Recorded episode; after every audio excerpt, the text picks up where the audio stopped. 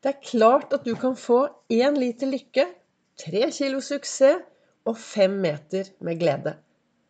Men du må bestemme det, og du må finne ut hva er lykke for deg, hva er suksess for deg, og hva er glede for deg. Velkommen til dagens episode av Begeistringspodden.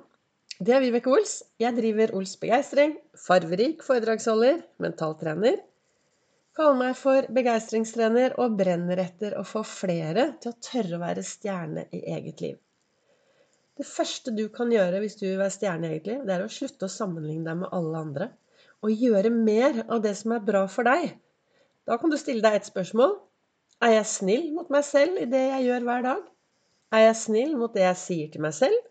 Er jeg snill i det jeg tenker om meg selv? Nå har jeg sendt laget podkaster hver dag siden mai. Og jeg la, snakker da ut fra denne kalenderen som heter 'Du er fantastisk', hvor det står noen gode sitat, og så titter jeg på de, og så leser jeg boka, og så reflekterer jeg litt. Og så lager jeg en eh, podkastepisode så tidlig som mulig.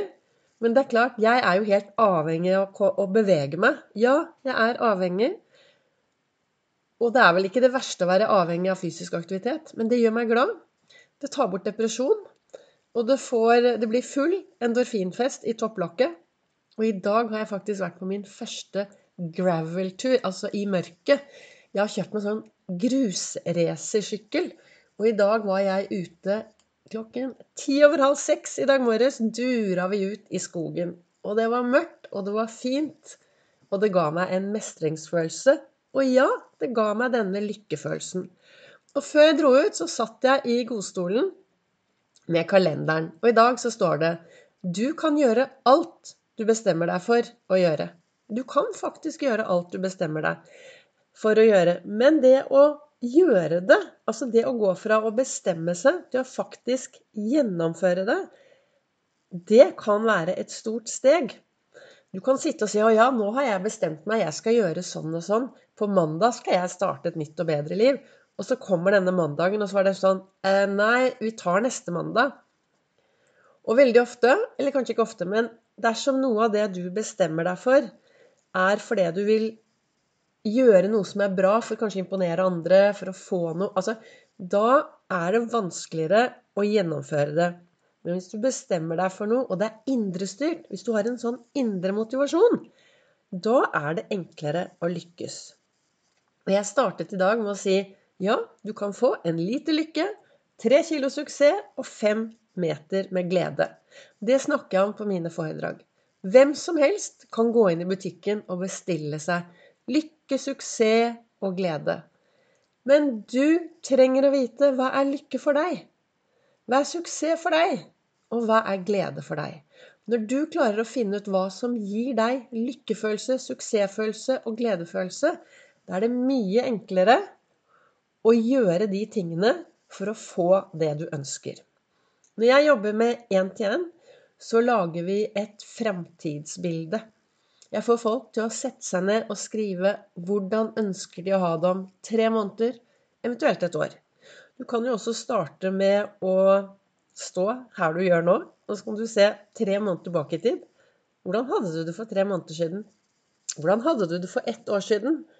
Og hvor er du dersom du fortsetter akkurat med det du har holdt på? Og hvis du er superfornøyd der du er i dag, så fortsetter du med å gjøre det du gjør i dag. For da vil du jo bare få mer av det. Er det derimot noe sted du ønsker en endring for å få litt mer lykke, suksess og glede, ja, så sett deg ned og lag et framtidsbilde.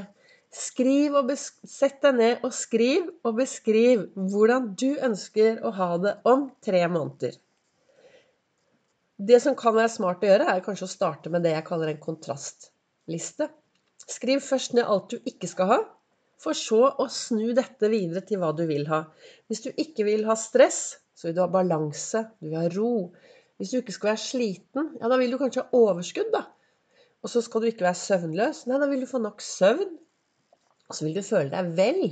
Ikke sant? Istedenfor å, føle, å føle seg sliten, så vil du føle deg vel. Og så lager du et bilde ut fra dette. Og så når du ser det bildet, så blir det Kan du finne ut Ok, hva trenger jeg for å gjøre for å komme meg dit til det bildet? Og når du har bestemt deg og ser hva du trenger å gjøre, da har du bestemt deg. Nå skal jeg ta tak i dette. Da kan du sette deg ned og lukke øynene og visualisere hvordan du skal komme deg dit. For det er noe med det at i det øyeblikket du lager gode filmer inni hodet ditt på hvordan du ønsker å ha det, så er det noe med det at underbevisstheten, da går den mot det, istedenfor å gå mot det du ikke ønsker. Og dette har jeg jo, eh, når jeg hører meg selv snakke nå, så vet jeg at dette har jeg faktisk snakket om tidligere, det å visualisere. Jeg bruker det hver dag. Jeg ser meg selv lykkes hver dag i det jeg skal gjøre i dag. Én ting er å se seg selv lykkes i det du ønsker å gjøre, hvordan du ønsker å ha det om tre måneder. Og bare glede seg til ja.